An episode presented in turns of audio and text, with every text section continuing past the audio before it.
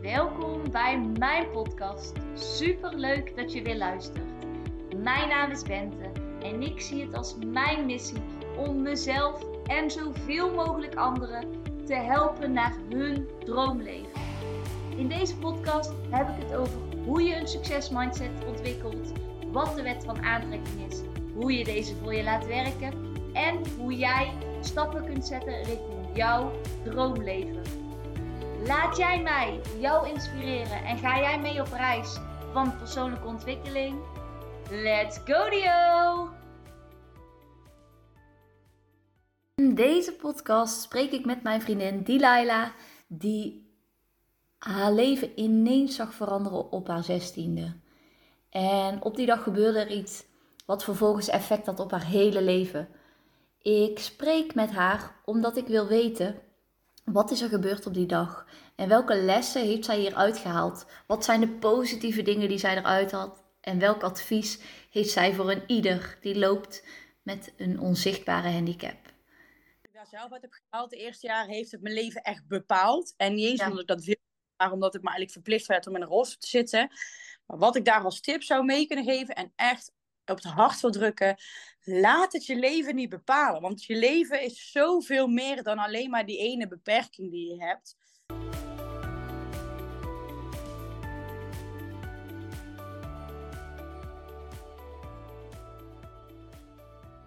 Nou, Delilah, super leuk dat ik uh, ja, vandaag uh, jou mag spreken en eigenlijk mag uh, interviewen. Ja, super leuk dat je mij überhaupt hebt gevraagd. Ik ben, ja, ik ben enthousiast. Ja, want vertel eens, weet je, op jouw zestiende is er iets gebeurd. En kun jij ons eens meenemen, wat is er precies eigenlijk gebeurd toen jij 16 was?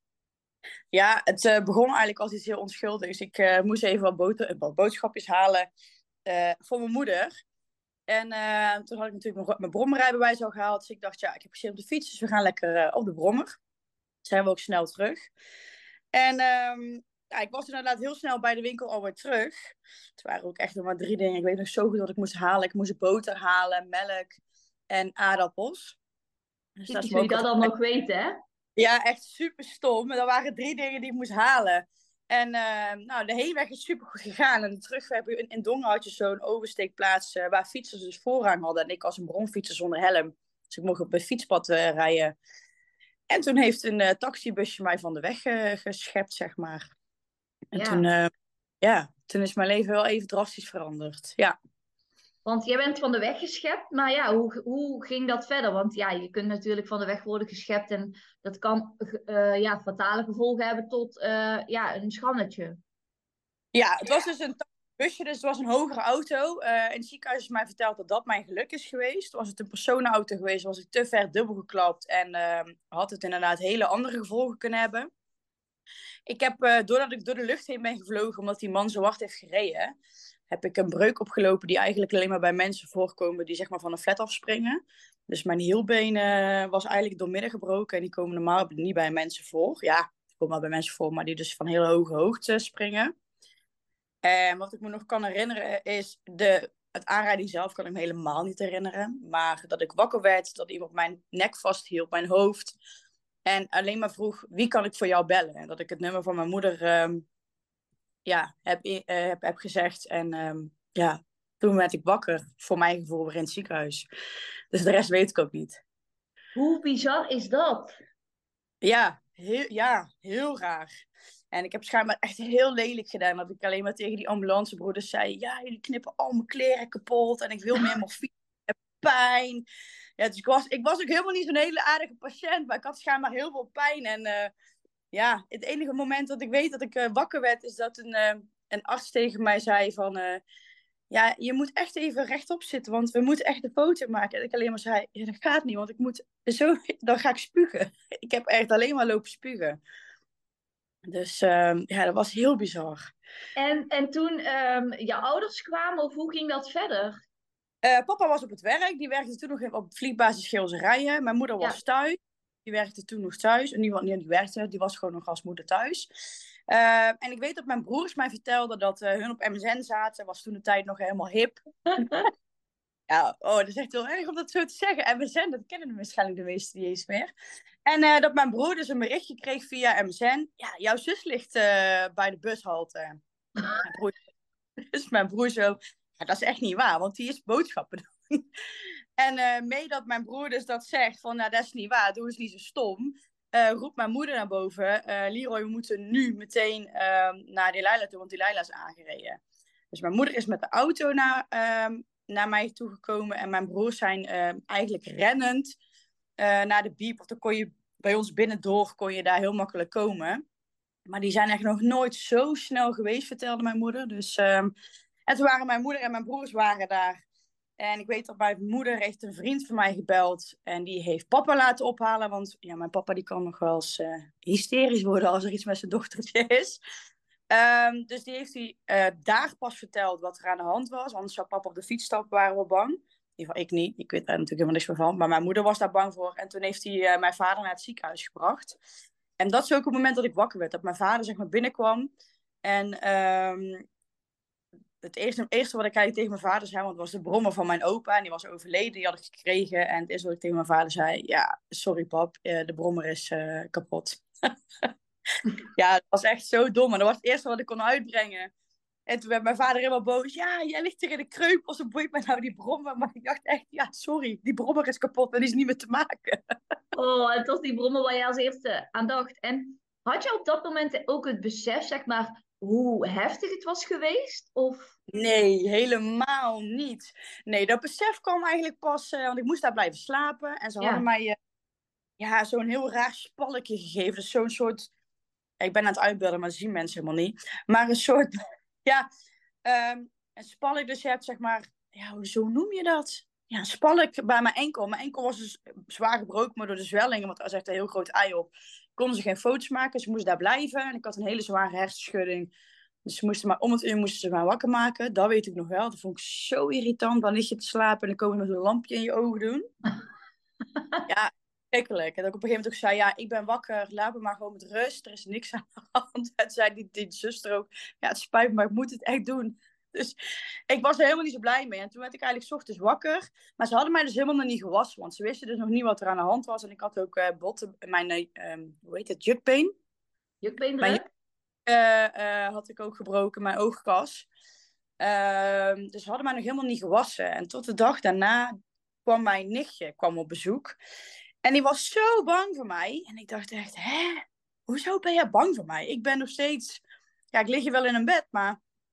Ja. En uh, kwam mijn moeder binnen. Ja, hoezo hebben ze jou nog niet gewassen? En ik, denk, ik dacht alleen maar, hoezo? Waarom moet ze mij wassen, mij wassen dan? Ja. ja was, echt was helemaal vol met krassen en uh, helemaal vol met bloed. Dus ik, maar ja, ik had mezelf natuurlijk niet gezien. Nee. Dus ik helemaal onder het bloed. En toen besefte ik wel dat ik dacht, oeh, ja, de klap is toch wel iets harder geweest dan dat ik... Uh, verwachten. En ik heb, heb, heb ik een week lang alleen maar met één oog heb ik bloed gehuild. Ja, ik oh, vond het dan... dat is eng. Ja, ik vond dat wel vet. net als die enge films waarbij Maria maar bloed huilt. Ja, ik vond dat zo stoer. Maar goed, ja, verder dacht ik, ja, dit is helemaal niet goed. En uh, maar mijn vader, uh, de, de optimist die is, is gelijk gaan opzoeken wat de breuken inhield. En die kwam mij de dag erna eigenlijk al vertellen... Ja, die Leila, je hebt een breuk opgelopen. Die komt eigenlijk niet meer goed. Ik zeg, nou pap, dan beginnen we in ieder geval positief aan deze dag. Oh. ja. En dan ben je 16. En wat denk uh, je dan? Ik dacht echt, ja, dat kan je nou wel zeggen. Maar uh, ik, ben, ik ben nog jong. Dat komt echt wel goed. Ja. ja. En mijn vader heeft eigenlijk wel altijd al die tijd gelijk gehad. Dus um, ja, die heeft zich echt zo inlopen lezen die avond. Die zei ook, ja, ik heb bijna niet slapen. En ik wilde dit gewoon heel graag. Um, ja, ik ging maar gelijk kijken wat het was. Maar, zei die, zijn ook mensen die wel gewoon kunnen hardlopen met de breuk die jij hebt. Dus ja, daar ben ik nooit zo van geweest. Dus uh, we zullen zien. ja, want het is dus zo, je hebt toen dat ongeluk gehad. Je had in eerste instantie niet in de gaten hoe heftig het was. Nee, helemaal niet. Toen uh, hadden ze, want ja, we, we, sloegen even een klein stukje over, want we gingen van een enkel die heel dik was en nog geen foto's kunnen maken en naar een breuk. Dus toen de volgende dag hebben ze toch foto's gemaakt? Of hoe ging dat? Ja, ze hebben uh, de volgende dag foto's gemaakt van mijn hoofd. Toen was ik binnen misselijk. En toen moest ik ook gelijk onder de, onder de ja, het röntgenfoto bij mijn enkel. En toen was heel duidelijk te zien dat mijn enkel echt doormidden was gebroken. En bij mijn oog waren ook twee, uh, twee breuken te zien. Um, ja, toen hebben ze me eigenlijk gelijk in het gips gezet.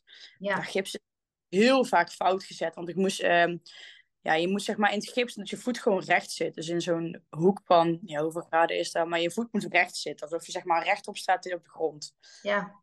En dat is zo vaak misgegaan dat mijn voet dus een beetje als zo'n spits, beetje zo'n puntje zat. Ja, dat, doet, en dat is zeer, want dat moest helemaal weer rechtgezet worden. Dus ik heb daar echt uh, geen fijne herinneringen aan, aan die gips, uh, dat gipsen voetje. Nee, dat snap ik. En toen hebben ze nog even naast te denken, ja, moet ik geopereerd worden aan mijn oog? Nou, daar was ik zelf eigenlijk heel stellig in. Dat gaan we dus niet doen. Dat gaat gewoon zelf genezen. En dat, dat is wel gewoon echt genezen. Daar heb ik ook nooit meer last van gehad van mijn oogkast. Dus, uh... Bizar. Maar denk je dan ook dat dat heeft geholpen? Omdat je dan ook denkt van, oké, vanaf het begin dat je denkt, oké, dat geneest vanuit zichzelf, dat het zelf geneest? Of geloof je dat er gewoon toeval is? Of hoe kijk jij daarnaar? Ja, ik denk als het echt heel ernstig was geweest, hadden ze wel echt wel niet naar mij geluisterd, denk ik. Ja. Tenminste, dat denk ik. Ja. En, um, ik mocht sowieso even aankijken of het zou genezen. En of ik, als ik last bleef houden van mijn hoofdpijn of wat dan ook, dan moest ik sowieso terugkomen. Ja. Um, ja, heel eerlijk. Ik was toen al wel iemand die dan zou zeggen: nee, nee, gaat wel goed. Want ik was zo bang dat ze mij, mij in, mijn gezicht moesten gaan opereren. Ja. Maar het is ook echt gekomen. Dus um, ja, ik geloof, ja, ja. Ik denk dat het, uh, dat het universum het genoeg vond uh, dat mijn enkel al niet zou genezen. Dus dat mijn oogkas uh, gewoon mocht. dat, dat, dat dat wel mocht. En toen, hoeveel dagen ben je toen in het ziekenhuis geweest? Ehm, toen twee. En toen heb ik, um, ja, hoe lang heb ik in het gips gezeten? Een half jaar op en af. Dan moet je iedere keer op controle komen. En dan moet je weer het gips even, ja, even opnieuw maken. Wat vertelden die dokters tegen jou? Want jij ging na twee dagen naar huis. En wat zeiden de, de dokters eigenlijk over jouw breuk? Um, dat ik echt heel voorzichtig moest zijn. Ik kreeg ook geen loopgips. Ik kreeg echt gips waar je niet op mocht lopen. En dat ik echt op geen enkele mogelijkheid ook maar op mocht steunen, want dan kon heel mijn enkel verbrijzelen. Dus dan ben je 16 dus, uh, en uh, je mag niet lopen een half jaar en je mag niks doen. En je zit in de bloei van je leven. Hoe werkt dat? Ja, helemaal KUT natuurlijk. Ja. Ja, het was echt verschrikkelijk. Ik dacht echt, en was, uh, het was, ik weet nog precies welke dag, 6 november was dat. 2007 of 2008. En ehm, ja, een paar dagen voor mijn ongeluk was ik ook naar een, een, concert geweest. Daar was ik heel blij om. Maar goed, ik was natuurlijk ook bijna jarig. Want een maand later was ik jarig. Ja. En die heb ik met gips en in een rolstoel doorgebracht. Ja, vond ik echt verschrikkelijk. Maar ik vond het minder erg omdat het winter was. Dus niemand gaat toch echt naar buiten. En, uh, ja. ja, dat was mijn geluk. Tenminste, dat vond ik toen de tijd. Ja. En uh, ja, mijn broers hebben mijn vriendinnen van mij hebben toen heel veel mee naar buiten genomen. Toen lag er nog best wel wat sneeuw. En toen gingen ze me altijd eh, mee naar buiten nemen in de rolstoel. Um, uh, konden ze mij zeg maar gebruiken bij het belletje lellen. En dan konden hun snel wegrennen. En dan stond ik daar dus. dus ik heb wel... Ja, ik heb ook echt wel leuke momenten meegemaakt. Ik, gelukkig had ik zeg maar... Toen de tijd nog wat vriendinnetjes die in de buurt woonden. En die mij regelmatig uh, even kwamen halen. Um, maar naarmate ik wat ouder werd ja, had het ook wel eens een keerpunt. Ik heb namelijk heel, heel lang op en af in een rolstoel gezeten en in het gips. En uh, ja, dat, op een gegeven moment kom je dan ook wel erachter wie je echte vrienden zijn. En dat heel veel mensen je niet meer komen halen omdat je, ja, je kan eigenlijk niks. Want ik mocht niks. Ik mocht echt op geen absoluut, gewoon absoluut niet op die voet staan. Of, of ook maar gewicht erop zetten. Dus ja, het was ook wel confronterend. Uh, helemaal als je dan 16 bent, dan ben je al een beetje zoekende naar je eigen identiteit. En als dan mensen je ook nog laten vallen, ja, dat is pittig. Ja, want wanneer kwam dan dat punt van, kijk, je ging van dat half jaar, ik mag er niet op steunen. En, um, maar wanneer, komt dat dan het, wanneer is dan het besef gekomen? Of wanneer hebben ze jou dan verteld van, ja, dit gaat misschien wel veel langer duren? Uh, nou, toen ik dus zeg maar na een half jaar zeiden, ja, eigenlijk uh, is het weer hersteld, maar jouw breuk uh, gaat niet dicht. Dus mijn enkel, die breuk, die bleef open, dus dat zeg maar niet genoeg bot. Ja. En zij we, we moeten eigenlijk gaan opereren, want die botbreuk moet dichtgaan. Ja. Anders dan is ja, jou, zo heet dat, jouw voet gewoon niet zo goed. Niet stevig. Ik zei, nou oké, ja, weet je, uh, ik wil er alles aan doen om gewoon beter te worden, dus doe maar. Toen heb ik uh, mijn eerste, dat was mijn allereerste operatie, was ook gelijk de heftigste. Hebben ze bot uit mijn heup gehaald en in mijn voet gezet. Uh, dus ja, ze schapen dan een beetje bot vanuit je heup en dan doen ze dan in je voet. Heb ik een plaat in mijn voet gekregen met schroeven erin. En um, daar moest ik weer zo lang van herstellen. En um, daar heb ik heel veel pijn aan gehad. En um, na die operatie moest ik dus ook opnieuw leren lopen. En dat was voor mij wel echt dat ik dacht, ja, ja toen begon ik zelf wel te beseffen dat het best wel heftig was. Ja. Toen ik niet meer wist hoe ik moest lopen en het echt opnieuw moest leren. Want ik dacht, ja, hallo, ik loop toch met mijn andere voet. Dus hoezo kan ik dan niet met deze? Maar uh, ja, daar kwam ik snel op terug. En toen werd, toen werd het wel echt. Dus na die eerste operatie werd het wel echt dat ik dacht... Oké, ja, weet je, misschien krijgt papa toch nog gelijk. En uh, ja, is het toch niet zo uh, makkelijk als dat ik zelf dacht. En is er op dat moment ook een, een, een punt geweest dat jij ooit hebt gedacht van... Had die auto nog maar iets harder gereden? ja. ja, die is, dus dat was echt een heel kort moment. Ja. Weet ik nog heel uh, heb ik dus opnieuw leren lopen. En ik was 18 en ik had opnieuw leren lopen. En die man zei... Um, ik weet nog heel goed hoe die heet, dokter Van Doren. Dat was echt zo'n aardige man. En die heeft echt alles uit de kast gehaald om maar ja, die pijn te verminderen. Ik heb ook pijnspuiten gehad. En ik was 18, opnieuw leren lopen. En hij zegt tegen mij, Lala, ik kan niks meer voor jou doen. Je moet leren leven met de pijn. En toen dacht ik wel, wat zeg je? Ik ben 18 jaar en dit is wat je mij nu gaat vertellen? Ja. Ja, toen, toen brak ik wel even. Toen, ja, heb ik echt die hele dag alleen maar kunnen huilen en kunnen denken... Hoe kan jij dit nou tegen een 18-jarige zeggen? Ik heb de rest van mijn leven nog voor me. Ja. Ja, dat was heel pittig. Ja. En hoe, hoe reageerde jij en jouw omgeving? Hoe reageerde jouw omgeving daarop? Van 18 eigenlijk en uitbehandeld. Zo is het eigenlijk. Um, ja, hoe reageerde mijn omgeving? Ja, daar moet ik echt terug gaan denken. Ja, net, je weet dat mijn moeder met mij mee was. En die was echt wel net zo geschokt, zeg maar. En uh, die heeft mij echt, loop, echt getroost toen ook. En die zei van, Delilah, dit kan jij. Weet je, je bent nog jong, maar dit kan jij. En uh, ja, misschien gaat het je wat beperking geven. Want ik had natuurlijk met lopen gewoon heel veel pijn. Maar mijn ouders hebben me eigenlijk altijd wel gesupport. Ik had dan uh, twee broers die dan zei je, ja, maar je hebt nu wel deze operatie gehad en je hebt wel deze breuk gehad. Maar uh, je krijgt toch heel veel geld van de verzekering. Want ik, ik loop natuurlijk nog steeds bij zo'n schadeletseladvocaat. Ja. En ja, weet je, dat was op dat moment vond ik dat super vet. Want ik heb zeg maar dingen kunnen doen die niet, ja, die ik anders nooit had kunnen, kunnen bekostigen. Maar die pijn, die is nu, ik ben nu 31 en die is nog steeds niet weg. Ja. Ja, dus ja, mijn ouders hebben me echt altijd wel gesupport en altijd um, ja, wel rekening gehouden. En uh, me altijd met operaties me opgehaald, weggebracht. En ik heb er in totaal heb ik er nu negen gehad. Op en af. Dus die stonden altijd voor me klaar. Ja, en mijn omgeving, het, ja, qua vrienden heel wisselend. De ene die, uh, ja, die zijn super supportive en uh, wilde ook echt wel rekening mee houden. En ik heb ook vrienden gehad die dan bijvoorbeeld op een festival zeggen: Ja, kom op, stel je niet zo aan, we kunnen het wel even door. Ja, dat, dat, dat doet dan zeer. Want ja, ik, ik wil ook echt heel graag door. Maar met het gevolg dat ik de dag na bijvoorbeeld niet meer kan lopen. Dus ja. Ja, ja en, en dat lijkt me ook heel moeilijk. Het is, uh, los van misschien een brace, het is een onzichtbare handicap, zeg maar. Het is een, on, het is een ja. Je ziet ook niks. Ja, tenzij ik echt heel veel pijn heb, dan... Ja. Uh, mensen kunnen, ja, ik merk daar zelf niet, want dat is voor mij gewoon automatisch dan zeggen mensen zoals, oh wat loop je moeilijk? Dan denk ik, wat loop ik moeilijk? Ik loop toch gewoon normaal? Maar ik ga dus een beetje anders lopen als ik heel veel pijn heb. En dan is eigenlijk het enige moment dat je aan mij kan zien dat ik pijn heb. Anders dan... Ik ben ook niet iemand die het laat zien. Omdat ik te vaak ehm, ehm, heb gehoord, ja, maar je, je, je ziet niks aan jou. Dus het zit tussen je oren. En dat ook de, zeg maar, de tegenpartij die mij heeft aangereden zegt, ja, eh, we weten niet of het wel door het ongeluk komt dat jij zoveel pijn hebt. Dus met andere woorden, ja, het zit tussen je oren. Je hebt het anders meegemaakt. Ja, dat deed zoveel zeer iedere keer dat iemand dat zeg maar deed. Van ja, je stelt je aan. En uh, ja, dus ik, ben, ik heb het gewoon nooit meer laten zien. Ik zeg het nooit. Ik vertel het nooit. Ik laat het niet zien. Want ik wil niet dat mensen denken dat ik zeg maar medelijden wil. Dat wil ik ook helemaal niet.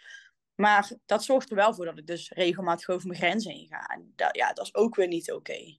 Ja, ja, en daarin, ja, daarin heeft misschien ook elke fase is weer. Kijk, in het begin lijkt het alsof je ook helemaal niet in de gaten had hoe heftig het eigenlijk is geweest. En ik vond het voorbeeld van dat het een breuk is die mensen eigenlijk alleen oplopen als ze van een flatgebouw afspringen. Als je dat zegt, dan denk ik van, dan moet je wel niet zoveel pijn wegdrukken, wil je niks laten merken, snap je? Ja, ja. Ja, het, weet je, het verschilt ook wel hoor. En ik ben toen ook, uh, nou, toen ben ik natuurlijk op en af naar het artsen geweest en zo. Ja. En uh, moest ik naar zo'n, zo dat, onafhankelijke arts. Dat is dus ergens een arts in, uh, in Verwegistan. En die gaat dan kijken, oké, voor hoeveel procent ben je afgekeurd? Ja. En hoeveel procent ben je afgekeurd? Ja, niet. Hallo, ik ben nog heel jong. ja. En toen zwart op wit dat het nooit meer goed kon komen en eigenlijk alleen maar kon verslechteren. En dat ik dus um, qua lichaam 19%, 19, al afgekeurd was. En dat, dat was echt zo'n besefmoment van, zie je wel, ik stel me eigen niet aan, want er zit daadwerkelijk wel een beperking. Alleen zie je dat niet altijd. Ja. En toen dacht ik ook, toen ben ik wel een beetje zo gaan denken van, ja, laat, laat mensen maar lullen. Laat ze maar lullen, want het staat zwart op wit. Ik zit niet tussen mijn oren, het staat zwart op wit. Ja. Dus ja, ja. En wanneer is dat geweest? Ja, daar ben ik aan het denken. Volgens mij uh, ergens rond 2000. Ja, nee, toen ik volgens mij 19 of 20 was. Nog voordat ik naar, um, naar Afrika ben geweest met jou. Dus was ik 19, 20 ongeveer. Dat ik um, ja, die onafhankelijke arts. Want omdat ik natuurlijk zoveel pijn bleef houden. En hun wisten Ja. niet meer wat ze doen. Moet er iemand anders naar kijken. Want dat, dat hoort. Dat moet ik nu bijvoorbeeld weer. Ben ik op aan het wachten dat ik daar naartoe mag. Om de zoveel tijd wil dan de, willen ze dan zo'n check doen. Van ja, hoe zit het eigenlijk? Eh, is het Ja. nog steeds een stap? Of, ehm, En toevallig ben ik daar nu weer op aan het wachten. Dat is nu weer in werking gezet. Dus ik eh, Ja. ja. ben wat daaruit gaat komen. En is, er ook zo, is het ook zo dat jij echt het, ehm, het vertrouwen daarin ook helemaal hebt opgegeven? Daar is voor jou geen hoop meer dat, aan, dat het voor jou nog beter wordt? Nee, nee, nee. Ik had in het begin had ik echt nog wel hoop. Ehm, die arts heeft altijd tegen mij gezegd: Ja, weet je, mocht de pijn echt heel erg veranderen, kom alsjeblieft terug. Nou, dat heb ik dus ook iedere keer gedaan, want daardoor ben ik dus ook ehm, zo vaak geopereerd. Ja. Eh, en ik, ik, weet je, stel dat nu mijn arts tegen mij zegt, want ik heb toen de tijd secretopie gedaan, ben ik, nu, ben, nu loop ik in Gelderop bij het ziekenhuis. Stel dat hij tegen mij zegt, um, Delilah, weet je, er is iets nieuws ontdekt. Uh, ik wil dit echt met je proberen, want ik heb er vertrouwen in. Dan doe ik het wel. Ik heb zeg maar wel de hoop opgegeven dat de pijn verminderd kan worden. Maar ik zal altijd openstaan. Um, mocht een arts tegen mij zeggen, hey, ik denk dat dit gaat helpen. Want stiekem, ja, ik heb de hoop opgegeven, maar ik hoop het wel altijd nog dat het gewoon minder gaat worden. Ja. Of gewoon... Ja. ja, misschien is het dan ook meer een stukje acceptatie van zeg maar de diagnose. Ja. In plaats van uh, de hoop opgegeven is misschien ook niet het juiste woord, maar het is soms ook door te accepteren zeg maar hoe het is. Dan kun je ook een manier gaan vinden om ermee te leven in plaats van er altijd alleen maar mee te vechten en ja, jouw leven als jouw, jouw enkel, als jouw breuk te zien. En dat, ja, jouw leven is ook meer dan dat. Ja, want die heeft natuurlijk de eerste paar jaar zoveel centraal gestaan. Ik heb Ja. een andere gekozen die opnieuw moeten leren lopen. Ik heb echt, volgens mij de eerste drie, vier jaar op en af in een rolstoel gezeten. En toen dacht ik, ja, nu is het genoeg. Dit gaat niet meer gebeuren. Uh, en toen heeft er ook langere tijd iedere tussen gezeten met, uh, met operaties. Maar wat je zegt, ik heb, ja, ik, nee, ik heb inderdaad nog hoop, want die heb ik nog steeds. En als hij nu Ja. tegen me zegt, dit doen, want ik heb geloof erin, ga ik dat doen, meteen, doe ik het morgen. Maar je accepteert het. Ja, ik had geen keus. Ja, ik kan wel iedere keer, uh, iedere dag wakker worden en denken, oh, ja, het is nog steeds, ja, hm, wat gaan we ermee doen? Nee, ja, zo, ja, je kent mij, zo ben ik niet. Uh, hup, doorgaan. En uh, er kan een keer een slechte dag tussen zitten. En dan probeer ik mijn rust te pakken. Maar eigenlijk wil ik gewoon gaan. En gewoon dingen doen die ik leuk vind. Ja, en dat is denk ik soms ook wel een dunne lijn tussen het stukje accepteren, doorgaan met het leven. En uh, wel stoppen wanneer het eigenlijk voor jezelf te veel is. Omdat je grens in, die, in dat opzicht eigenlijk lager zou moeten liggen dan andere mensen. Omdat je gewoon heel veel pijn hebt. Ja, en wat ik aan andere mensen wil laten zien, ga ik heel vaak mijn grens over. Dus ja, dat is ook alweer een, de andere kant natuurlijk van het verhaal. Ja, ja. En wat, wat zou je daarvoor nodig hebben van anderen? De, om, daar, uh, om daar beter naar te kunnen luisteren? Ja, niet per se van anderen, denk ik. Meer gewoon naar mezelf. Nog meer dat stukje acceptatie van... Oké, okay, je kan gewoon niet alles meer. Net zoals de rest. Ja. Gewoon daar moet ik het nog gewoon echt meer accepteren. Kijk, toen ik jong was, uh, ja, festivalletjes, daar hou je dan wel vol. Eh, maar nu ben ik wat ouder en ik wil graag nog in de zomer, vind ik het leuk om naar een festival te gaan. Of een avondje te stappen. Maar dan weet ik gewoon, dan moet ik gewoon eigenlijk wat later gaan. Wil ik bijvoorbeeld tot het einde kunnen blijven. En ik moet gewoon wat vaker zitten. Wil ik tot het einde kunnen blijven, want ik heb gewoon heel veel pijn. Ja. Ehm, en die acceptatie begint wel steeds meer te komen. Ik zeg wel steeds meer makkelijker. Ja, ik kom pas later, want dit en dit en dit. Ja. Of ik rij zelf en ik zeg, ja, ik rij zelf, want dan kan ik weg wanneer ik pijn heb. Dus die acceptatie en dat voor mezelf opkomen op die manier, zeg maar, doe ik al wel meer. Maar ik wil, ja, ergens wil ik het ook nog niet. Ik wil er nog niet aan toegeven. Want ik denk, ja, 31. Zo oud ben ik nog helemaal niet. Nee, nee en het werkt denk ik ook zo net als met, hoe dat met andere dingen is. Kijk, wij willen altijd, of wij willen vaak als mensen ook dingen die dan op dat moment niet mogelijk lijken. Snap je? Als je als ouder, als je ouders vroeger zeiden, je mag nou een snoepje eten, wat wil je dan? Dan wil je een snoepje. Of als je Ja, op bent en je mag iets niet eten, dan verlang je daarna. Of als iemand zegt, nee, dat ga jij niet doen, dan denk je juist, en zeker jij, jij bent een beetje opstandig, dan wil je dat juist doen. Klopt. Ja, en hoe meer mijn voet dan zeg maar tegenstript, hoe meer ik denk, ja, stel je niet zo aan. Hup, Ja, Precies. Maar ja, dan Ja. uiteindelijk eh, raak je dan toch een beetje een soort van in gevecht met je eigen lijf, terwijl jij ja, in jouw eigen lijf zit. Dus Ja, dat klopt. Ja, ja. ja dat klopt. dat is, eh, wel, ja, dat is misschien iets voor de komende tien jaar. Dan eh, elke, elke, elke jaren leer je weer nieuwe dingen. Ja. Ja, en, ja, het is met stapjes echt wel vooruit. Maar ik heb ook echt momenten dat ik denk, ja. In de winter bijvoorbeeld gaat het echt fantastisch. Dan kan ik mega goed mijn rust pakken. Want dan denk ik, ja, het is toch koud. Dan maakt me niet zoveel uit. Maar in die zomer, die, die paar weken dat ik zomervakantie heb, dan denk ik, ik wil gewoon doen. Ik wil erop uit. Ik wil, ja, ja. En dat doe ik dan ook. Maar goed, ja, dan heb ik dan wel weer... eh, En net had je bijvoorbeeld over fietsen. Is fietsen dan bijvoorbeeld alweer makkelijker dan wandelen? Of Ja, veel makkelijker. Want fietsen, ehm, ja, dat is, ja, ik weet niet waarom, maar dat is lichter. Ehm, ook al even op de harde wind of naar boven fietsen, dat maakt niet zoveel verschil. Maar lopen is, is- ja, je, je komt continu, zeg maar, met een, ja, niet, niet met een klap, je doet gewoon heel gecontroleerd, maar je zet continu die voet op een oneffen vlak of zo. ja. Gaat sneller pijn doen. Ehm, En eh, ja. zijn, er, zijn er dan ook nog dingen die dat makkelijker zouden kunnen maken? Weet ik veel. Ja, je kunt gaan skateboarden. Ik weet niet of dat het is. Of een elektrische step of zo. Maar Eh, zijn Ja. er dingen die je zou kunnen doen waardoor, het, waardoor je toch meer ja, van niet tegen de zomer op kan zien en van de zomer zou kunnen genieten zonder dat het. Ja, gewoon stevigere schoenen aandoen. Alleen ik ben gewoon eigenwijs en ik wil dan gewoon dingen aandoen die ik leuk vind. Ja, Ja, gewoon, gewoon goede stevige schoenen aandoen. Dan heb ik in ieder geval langer eh, minder pijn. Maar Ja. ja, de, En wat zijn voor Ja. jou stevige schoenen? Zijn dat bepaalde soort sneakers? Zijn dat, zouden echt wandelschoenen zijn of speciale schoenen? Of hoe bijvoorbeeld hoge sneakers. Dat mijn enkel zeg maar eh, gewoon stabiel wordt? Ja, Ja, of, eh, of laarsjes die echt heel stevig zijn. Maar goed, ik koop altijd laarsjes. Maar ik zeg maar, ik wil liever vijf paar schoenen dan maar één heel duur paar schoen. Ja. Dus dan koop ik laarsjes die eigenlijk net niet stevig zijn. Ehm, ja, ik moet gewoon dingen die stevig aan mijn enkel zitten. Dat mijn enkel niet te veel kan bewegen of om kan zwikken. Ja, maar dat, ja. In de zomer loop ik ook heel graag blote voeten of op slippers. Ja, die zijn echt nog niet misschien stevig.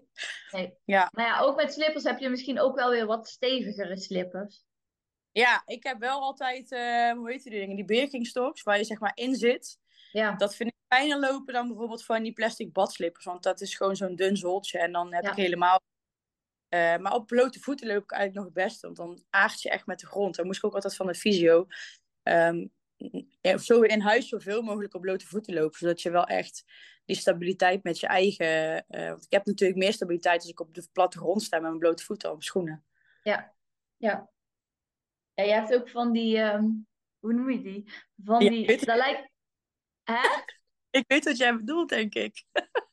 Van die, ehm, Hele dunne met tenen erin. Bedoel je die? ja, ja, van die sokken. Ja. Een kindje uit mijn klas had die laatst aan. Ik zei, hey, doe je, doe je schoenen eens aan. Hij zei, dit zijn mijn schoenen. Ik zei, oh, oké. Oh, Ja. bijzonder. Maar dat is heel dun. Dan lijkt het Ja, dat is heel dun, want buiten lag ook, lagen ook gewoon plassen. En ik denk, oké, ja, dat is wel nu, ja, apart. Dan loop je dus gewoon met een soort van sokken door die plassen heen. Dat Had lijkt dat- mij ook nattig en zo, maar ja. Had hij natte voeten of zei hij dat niet? Ja, hij had toch geen schoenen, dus wat wil ik doen? Ja. Vervelend. Ik kan een moeilijk sok aandoen. Nou, die absorberen al helemaal alles. Dus... Oh jee. Ja, dus hij vervolgens laatst iemand tegen mij. Loopt toch graag op blote voeten? Misschien is dit iets. En toen kreeg ze een foto ook zo. Nah, hoeft niet per se. Ja, voor thuis zou ik zoiets nog wel kunnen overwegen of zo. Of als je Ja, maar- echt- Ja, niet naar een festival of zo. Maar ja, dat... Bij een festival zijn eigenlijk wel weer de momenten dat je eigenlijk weet, ik moet hier eigenlijk stevige schoenen voor hebben. Ja, dat klopt. Maar dan vind je het zonde van het geld om je nieuwe schoenen naar een festival aan te doen. Ja, ook dat. Want ik had van mijn moeder dus hele stevige sneakers gehad. En toen dacht Ja. ik, ja, maar dat vind ik sunt. Want dan worden ze, worden ze vies. Dus die doe ik dan ook niet aan. Echt de zijn- Brabander, hè, dat vinden wij sunt. Ja, en toen dacht ik echt, oh ja, stom eigenlijk. Want ik doe gewoon weer die, die verrotte laagjes aan die eigenlijk toch al helemaal af, afgeracht zijn. Dan denk ik, ja, die zijn niet stevig, zitten de gaten, zitten erin. En zijn er dan me- eh, dingen van een bepaald merk? Of is er gewoon, de- dan moet je gewoon passen en voelen dat het eh, stevig is? Nou, mijn moeder die koopt tegenwoordig eh, bij haar in de wijk. Er zit een man die heeft hele stevige schoenen. En deze waren van, ja, iets met ehm box, box nog iets. Ja. En die waren qua zool waren heel dempend. Dus dat is voor mij natuurlijk heel fijn. En die zaten heel stevig op mijn enkels. En het waren toch nog lage, eh, lage sneakers. Dus toen dacht ik, ja, die vind ik echt super vet. Maar ja, dan doe ik ze dus niet aan. Dus ja, ja na het werk doe ik ze heel veel aan. En, eh, maar niet naar een festival. Dat vind ik echt zonde. Ja, ja. Nou ja, dat, eh, de struggles eh, die blijven alleen op een andere manier, zeg maar. Hey, maar nu zijn we net even helemaal ingedoken op jouw verhaal. En het is een heftig verhaal en ook wel bepalend voor jouw leven. En, Ja. Ja, maar wat zijn eigenlijk de dingen die je er ook weer uit hebt gehaald? Want kijk, je bent natuurlijk heel veel stilgelegd, letterlijk. Ja, Ehm, maar wat, wat haal je eruit? Kijk, jij zei straks al van, kijk, je leert echt, weet, je leert echt kennen op wie je kan rekenen en op wie niet. Wat zijn meer dingen die je eruit hebt gehaald? ja, ik denk dat ik zelf ook wel een stukje sterker ben geworden. Van, oké, je hebt pijn, maar het, het, het, eh, het tackelt je niet helemaal. Dus een stukje mentale eh, kracht, denk ik ook wel. Eh, ja, erachter komen wie je echte vrienden zijn. En waardoor je nu dus je echte vrienden over hebt gehouden. Dat vind ik echt, ja. Sommigen die leren dat pas als ze 40 zijn. En ik heb dat heel vroeg geleerd. Ja, Ja, toen heel rot. Maar nu denk ik, ja, ik heb altijd wel vanaf mijn zestiende bijna gewoon vrienden gehad die ik nu nog heb, zeg maar. Ja. Dat vond ik fijn. En ja, natuurlijk, mijn fantastische reis met jou naar Afrika, die had ik anders nooit kunnen betalen van mijn eh, salarisje van de krantenwijk. Ehm, ja, dat was wel echt een lichtpuntje. Ja, de, ja, ja, Ja. dat, nou, en daar wil ik natuurlijk graag, want daar kan ik over meepraten. Ehm, dus ik wil graag eh, op Afrika even wat verder, wat dieper op ingaan. Als dat voor jou oké is? ja, zeker. Vind ik heel leuk. Wel eens, want wij zijn eh, drie maanden met elkaar ehm, naar Afrika gegaan. Hoe, vanuit jouw standpunt, want wij kenden elkaar niet eh, voordat we naar Afrika gingen, hoe, hoe, hoe was die reis er naartoe, zeg maar, voor jou? Wist je altijd al, ja, sorry. Bedoel je het boek en zo en, en, de, en de vlucht en dat soort dingetjes? Ja, niet per se het praktische, maar gewoon hoe kwam je bij een stage in Zuid-Afrika en hoe is dat? Want jij zei, ja, ook door het ongeluk kon ik bijvoorbeeld naar Afrika. Nou, neem ons mee. Ja, nou, we kregen toen op, met de opleiding, eh, ik deed onderwijsassistent. En toen kreeg ik, eh, ik had namelijk, ja, ik had ergens een keer stage gelopen en ik had vrijstelling voor een bepaald iets. En toen mocht ik, eh, mocht je uiteindelijk mocht je kiezen of je naar het buitenland op stage ging of dat je in Nederland zou blijven. En ik dacht, ja, weet je, ik krijg nu zeg maar eh, bepaald geld eh, vanwege mijn enkel. Waarom zou ik niet naar het buitenland gaan? En toen konden we kiezen tussen of Spanje of Afrika. En ik dacht, ja, dag, daar gaan we voor Afrika. Mijn ouders waren daar niet zo heel happig op. Omdat ze gingen ze allemaal lezen en eh zeiden ze, ja, je mag niet alleen naar buiten. En ik zei, ja, ik zeg, ja, dan doe je dat toch gewoon niet? Ik zeg, je hoeft toch ook niet? Het gaat toch daar? Het komt wel goed. Ik zeg, ze zou het niet aanbieden als, als het niet veilig zou zijn. Ja, oké, nou, dan gaan we wel even kennis maken. Toen hebben we eerst kennis gemaakt met die man die dat allemaal regelde. Ja, Ja, toen ben ik met jou die vlucht gaan boeken. En dat vond ik heel bijzonder. Toen dacht ik, oh jeetje, ik ga met mensen mega lang reizen die ik helemaal niet ken. ja, Ja, en toen kwam ik natuurlijk met, met vluchtboeken kwam ik erachter dat wij echt mega verschillend zijn. En toen dacht ik echt, oh nee, dit gaat nooit goed komen. Hoe dan? Dit kan nooit. Ja, ja en toen wij op het vliegveld, we hadden afscheid genomen. En ik weet nog goed dat in één keer gewoon, ja, zo'n switch. En, alsof we elkaar allemaal al jaren kenden. En het was zo bijzonder. Ja. En eenmaal daar ook, ja, ja, het, ja, echt de meest fantastische ervaring van mijn leven ooit. Ja. Ik heb dingen helemaal niet wilde zien en die, die kan jij ook wel uh, voor je halen. Maar ik heb daar zoveel uitgehaald. Zoveel. In ieder geval, ik, ben, ik kan nu echt genieten van hele kleine dingen. En ik probeer nu een, zoveel mogelijk. Kijk, natuurlijk was een keer een dag dat ik alleen maar loop te chagrijnen. Maar ik probeer zoveel mogelijk positiviteit over te brengen. En gewoon positief in het leven staan. Gewoon, dat heeft me zo veranderd. Ja. Goed, daar kan ik ook mee praten. Ja, kijk, voor mij was het natuurlijk ook zo. Ik had altijd. Bij mij is het anders geweest. Eigenlijk voordat ik aan de opleiding al begon, had ik zoiets van: Oh, lijkt me zo vet om ooit vrijwilligerswerk of stage te lopen in Zuid-Afrika. En uh, bij ons was het niet per se een optie die al werd aangeboden, dus ik moest daar zelf best wel achteraan gaan. Maar er was inderdaad een Nederlandse organisatie met iemand uh, die dat organiseerde. Ook mijn ouders waren niet, uh, niet blij met de keuze voor Zuid-Afrika. En lang leven een Nederlandse man die dan ouders kan overtuigen.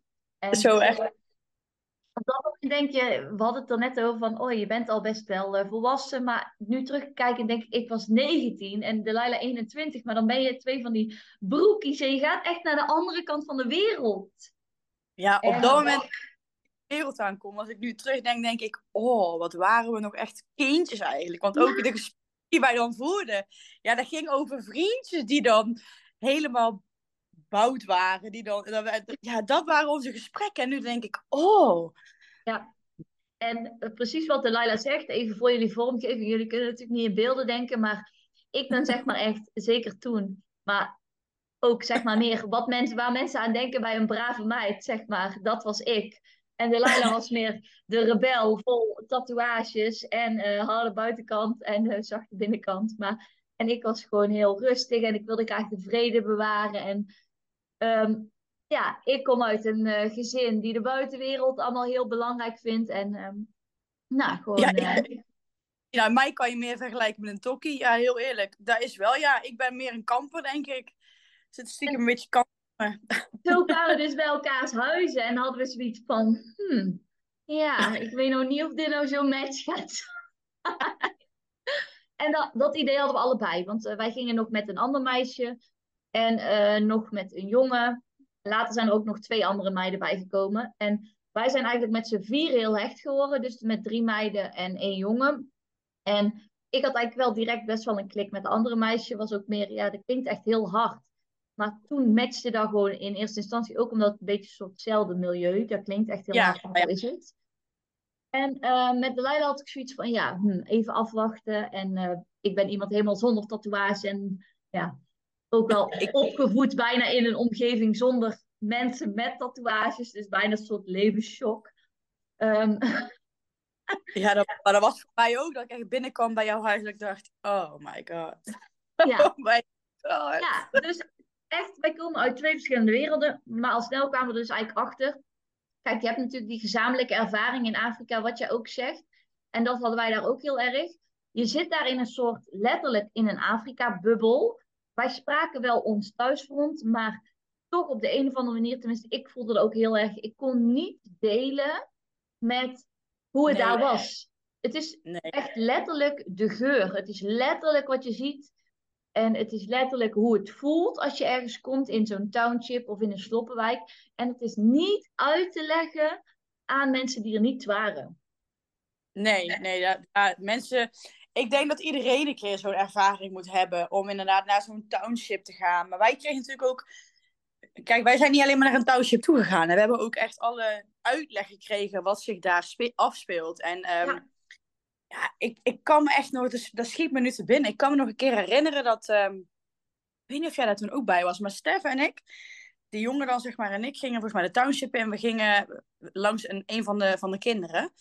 En dat we ergens buiten kwamen en uh, dat op een gegeven moment, ik weet even niet meer hoe die man heet. Die, die, uh, die man die ons... Ja, die ging ons altijd rondleiden.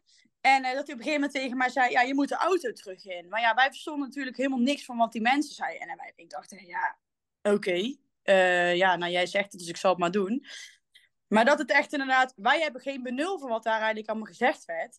En Nee. ik doe dan aanvatten wat hij doet. Maar dan was dus, ja, ik heb me ook nooit echt in gevaar gevoeld. Maar dat hadden we wel, ja, klinkt heel stom, hadden we misschien wel kunnen zijn. Ja, zeker. Maar we waren natuurlijk echt gewoon, ja, we verstaan ze niet, dus we blijven hier gewoon staan. Ook met die, dat we condooms gingen uitdelen. Ja, dat, ja. Ja, ja, in Nederland denk je van, maar om even een beetje een kort beeld te schetsen. Wij eh, gingen stage lopen in Zuid-Afrika op een van oorsprong hospice. Eigenlijk voor kinderen tussen de, nou zeg, eh, één en eh, vijf jaar. En eh, Ja. kinderen kwamen daarin voor oorsprong, voor verzorging en dat soort dingen. Omdat eigenlijk bijna al die kinderen HIV of AIDS hadden. Dus wij werkten ook met schort aan en met handschoenen. En als ik daar nou trouwens aan terugdenk, had ik toen echt nog niet beseft dat die kinderen echt zo ziek waren. Jij wel? Eh, nee, toen niet. Nee, Maar helemaal Nu, nu Maar dat zo vrolijk. Ze waren zo ehm, ja, lief. En dat je daar ook helemaal niet je vergat zodra je die lachende gezichtjes zag. Had je ook niet door dat ze, had je niet door dat ze ziek waren. Nee, maar ook zeg maar, kijk, wij droegen wel echt altijd handschoenen en altijd een schort. Maar dat bedoel ik ook, had ook echt niet het besef dat het eigenlijk, dat had ook voor ons ge- gevaarlijk kunnen zijn, snap je? Ja, ja dat besef dat- hadden we. Dat. En, ehm, nou goed, het was uiteindelijk een soort kinderdagverblijf waar eigenlijk de kinderen kwamen. En die kinderen die spraken, ja, je hebt er allerlei dialecten die wij niet konden spreken. Dus het was echt met handen en voeten. En Delilah deed dan onderwij- de opleiding onderwijsassistent. En samen met Stef en die school, die zat eigenlijk ernaast. En daar spraken de kinderen wel Engels, of niet? Ja, de kinderen in de eh, hogere groepen spraken, spraken best wel goed Engels. Maar de kinderen die bijvoorbeeld in groep drie, en daar stond ik bij. Ja, daar moest je echt met handen en voeten duidelijk maken wat ze moesten doen en het voordoen en zo. Dus er was een heel groot verschil tussen hoe goed ze Engels konden en hoe niet. Ja, en ik heb vooral mijn dagen gespendeerd gewoon om kinderen te knuffelen. En eh, ja, wat jij ook al zei, je werd gewoon, het was echt, eh, de kinderen kwamen s ochtends aangereden in twee busjes, waar in Nederland 12 personen in mogen, kwamen ze daar met 35 man in elk van die busjes. kwamen ze aan, al die kinderen die stonden op elkaar, want we zijn ooit één keer op een ochtend zijn we meegegaan om die kinderen op te halen. En dat was eigenlijk gewoon zielig, want de busjes zaten dus nog voller. Ehm, was maar echt... die kinderen waren zo blij om je te zien. En alleen gewoon al die vreugde eigenlijk ja, in onze ogen, in onze westerse ogen, om niks. Maar ja, goed, ze kregen natuurlijk wel drie keer per dag te eten van ons en hadden soms ook een weekend niks gegeten. Maar gewoon die blijdschap om niks, dat dat was gewoon hartvervullend. Je had gewoon elke dag gewoon zo'n zin om daar naartoe te gaan. Ja, Dat heb ik in Nederland nooit zo bij mijn werk ervaren, nooit. nee. Nee, ik kan me nog een keer... Een van de laatste keren dat wij zeg maar een soort van afscheid gingen nemen bij die kinderen. Weet je nog, die, die touwbandjes die we dan allemaal hadden gekocht. Maar van die, die armbandjes van touw. En ik dacht alleen maar, ja, ik laat die gewoon hier. Want eh, ja, er zit waarschijnlijk al een bacterie op en zo. En dat is niet handig misschien. En was altijd, ja, maar daar dacht ik wel over na. Ik ja, eh, ik kan ze hier in de prullenbak gooien, maar ik kan ze ook weggeven. Was er één meisje, ik weet, ook- ik weet ook gewoon hoe ze heet, Oletilu. En die was altijd met mijn armbandje aan het spelen. En toen gingen wij die dus, ehm, ja, gingen daar langs. Was een van de laatste, als bij de, bij de township. En die gaf ik dus mijn armbandjes. En hoe blij en hoe dankbaar zij, maar ook haar moeder was, voor een stel afgerachte armbandjes. Dat ik dacht, wow. Echt, die gingen me helemaal vastpakken, lieten me niet meer los. Dat ik dacht, ja, maar dit is echt dankbaarheid. En voor wat? Voor een armbandje die helemaal al gedragen is, vol stof en Ja. viezigheid. Ja, en dat, Ja. dat heb ik daar ook echt geleerd. En op dan was eigenlijk wat dat, in dat opzicht ook een perfecte periode. Want je bent eigenlijk nog, je zit nog in een proces richting volwassen worden. Ik krijg ook echt weer kippenvel over gewoon Ja. die verhalen. Het is zo'n speciale ervaring geweest. Maar ook het besef bijvoorbeeld, er waren kinderen die hadden zichzelf nog nooit in de spiegel gezien. Wij hadden geld vanuit Nederland meegenomen en dat we vroegen, wat zullen wij hiervoor gaan kopen? Ja, misschien een spiegel, want sommigen hebben zichzelf nog nooit in de spiegel gezien. Zeg. Kinderen gewoon van drie, vier, die gewoon niet wisten hoe ze op de spiegel moesten reageren. En dat soort dingen, dat was zo zielig en zo mooi tegelijkertijd, zeg maar, om dat te kunnen doen. Ja, het was, het was gewoon echt een hele bijzondere ervaring. Ja. Ik had het echt goud willen missen. Maar ik vond ook, ik herinner me ook nog die dag uh, van Simone, dat was een ander meisje wat dan mee was. Zij, zij werkte bij de MT of haar vader en zij had ballonnen van de MT, van die gele ballonnen. En ja. die ook op een dag uitgedeeld. Echt al die kindjes met die Nederlandse ballonnen dan. En zo blij, echt. Of, en dat we op een gegeven moment ook uh, naar de winkel gingen. We gingen natuurlijk regelmatig naar de winkel, want ons weekend duurde daar uh, vier, vijf dagen. Je ziet natuurlijk veel ellende, dus van ellende ga je denk ik ook wat sneller uh, iets drinken of eten. En ehm, toen kwamen we erachter dat je, zoals in Nederland heb je zakken leeschips, van die kleine zakjes. Nou ja, die had je daar, had je volgens mij een verpakking, daar zat geloof ik 30 zakjes in of 35 zakjes. Voor, nou wat zal het zijn, 4, 5 euro zoiets. Ja, nog niet eens. Ja, volgens mij nog niet eens. Maar in ieder geval heel veel zakjes. Zeg uh, echt veel.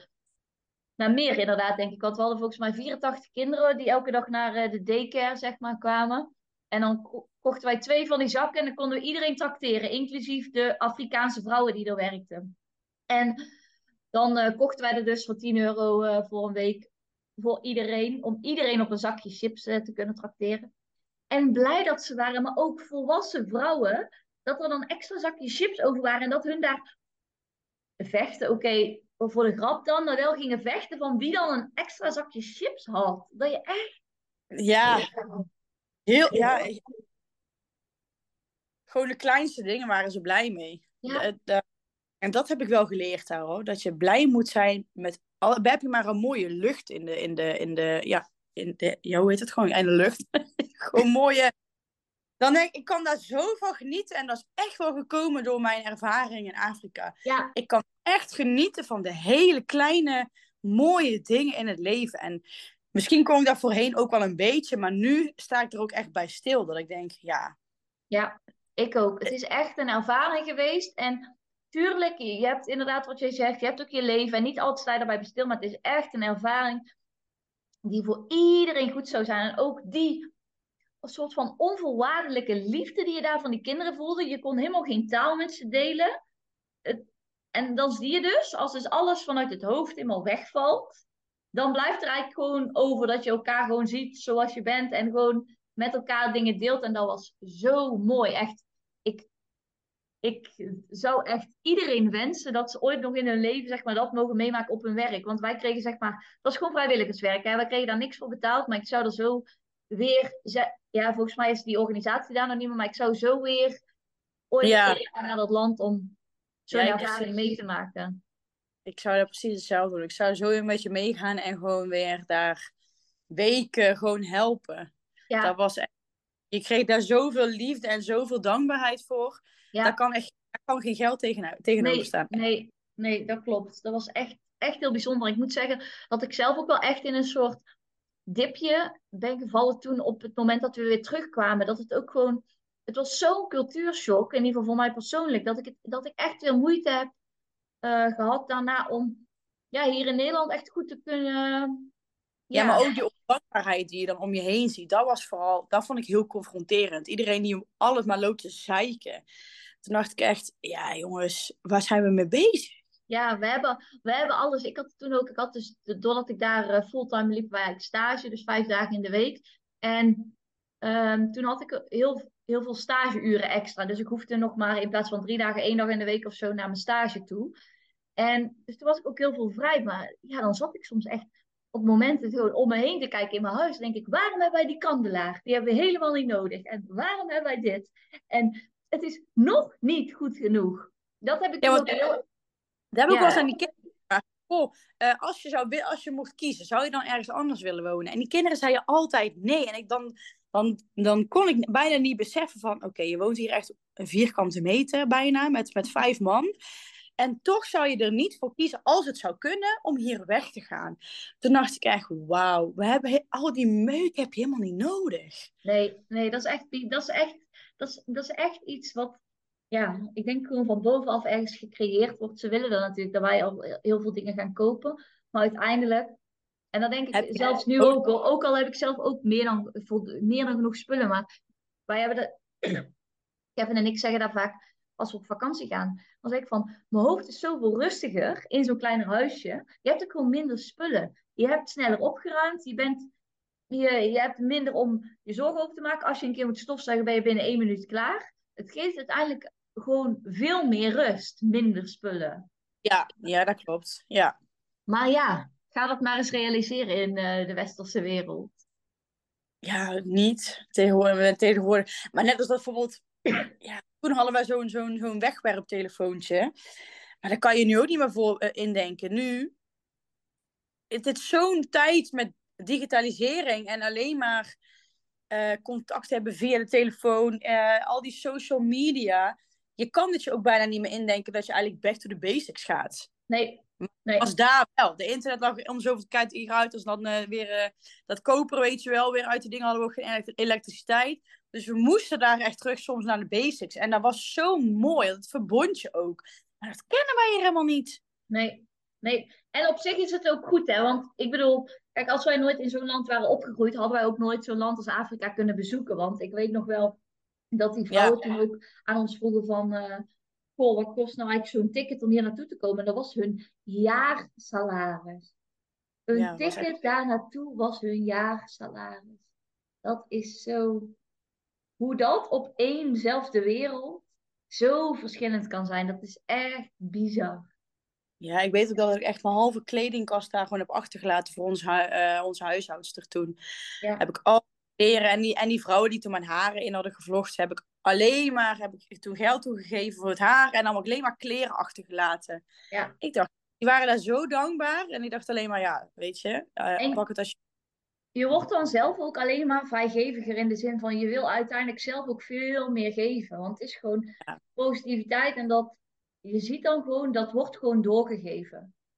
Ja, ja dat klopt. Dat, uh, dat, dat is echt een hele mooie. Maar uh, ja, weet je, Afrika blijft iets bijzonders. En ik denk dat wij hier nog uh, uren over, over door kunnen praten. Maar ik denk dat we langzaamaan richting een afronding gaan. Ja. we hebben het natuurlijk gehad over de situatie. Het ongeluk dat op 16-jarige leeftijd eigenlijk alles veranderde. Als er als je daar um, mensen advies voor zou mogen geven, of als er, er zijn natuurlijk veel meer mensen die um, struggelen met een uh, onzichtbare ja, handicap. Ik weet niet of ik handicap het juiste woord is, maar een onzichtbaar iets wat in ieder geval heel bepalend kan zijn voor je leven. Wat zou je dan tegen die mensen willen zeggen? Of wat heb jij daar zelf echt uitgehaald? Wat ik daar zelf uit heb gehaald, de eerste jaar heeft het mijn leven echt bepaald. En niet eens omdat ik dat wil, maar omdat het me eigenlijk verplicht werd om in een rolstoel te zitten.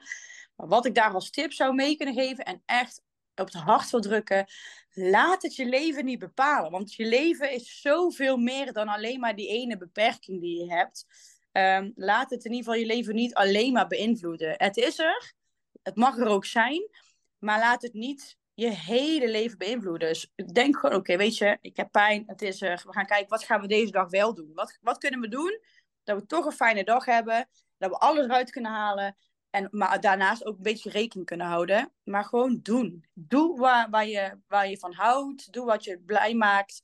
En laat echt die beperking niet je leven leiden. Echt niet. Nou, ik denk dat we daar perfect in de notendop hebben samengevat. Wat een super goede tip is. Ik denk ook dat het super mooi is. Misschien door het terugluisteren van dit denk je zelf ook wel weer. Hé, hey, dat is wel een interessant inzicht van mezelf. Maar uh, nou, ik vond het super leuk uh, om zo met jou te kletsen. Kijk, we zijn natuurlijk vriendinnen, dus we kletsen heel makkelijk. Dus ja. het is een iets uh, langere podcast dan mensen gewend zijn. Ja, over maar, dit heb ik nooit echt gepraat. Nee. Nou, ik vond het super leuk en uh, nou, laat het ons zeker weten als je het leuk vond. En uh, deel het met je vrienden en iedereen die het weet. En tot de volgende keer. Doei! Doei doei!